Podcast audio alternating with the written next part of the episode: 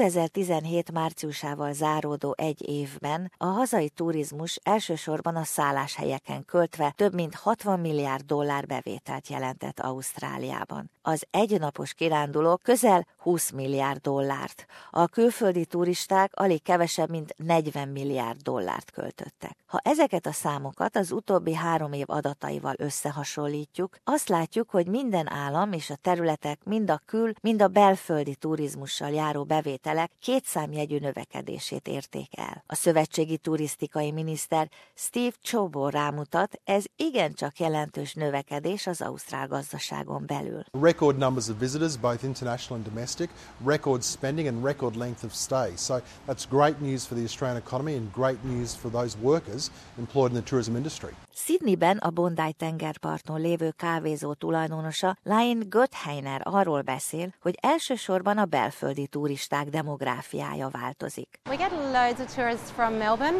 um, a lot from up the coast, even from Adelaide, um, a few from Perth venture over here, but Bondi is a pretty it's a very touristy destination. You know, there is a little bit of perception that we travel within our own country when we're older, but I think that's really changing. You know, I think there's a lot to offer, and now for families with young kids, Australia is easy. Tasmániában költöttek a legtöbbet 54 ot az északi területeken 46% az ACT-ben például 35 os a növekedés. New South Walesben a legalább egy éjszakát ott töltő látogatók egy év alatt 16 milliárd dollárt költöttek. A felmérés kimutatta, hogy bizony ma már az ausztrálok inkább a hazai tájakra, kincsekre, csodákra kíváncsiak, ahelyett, hogy külföldre utaznának. Az ausztrál turizmusban dolgozik a népesség 12 a Steve Chobo szerint ez mindenképpen jó az ausztrál gazdaságnak. The, the reality is that if we have Australians who are holidaying at home more often, it's helping to boost the Australian economy and it's helping out fellow Aussies. They often choose regional centres. They disperse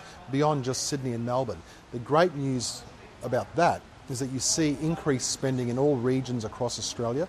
That increased spending translates into more economic activity, more job opportunities, uh, and so it's great at boosting local communities. A külföldi turisták most már nem csak Sydney-t és Melbourne-t keresik fel. Hian Sun, a China Travel Service utazási iroda munkatársa kiemeli, hogy a Kínából érkező egyenes járatok növekedése is igencsak hozzájárult az ausztrál turizmus bevételeihez. They're going to some other very special uh, you know, places.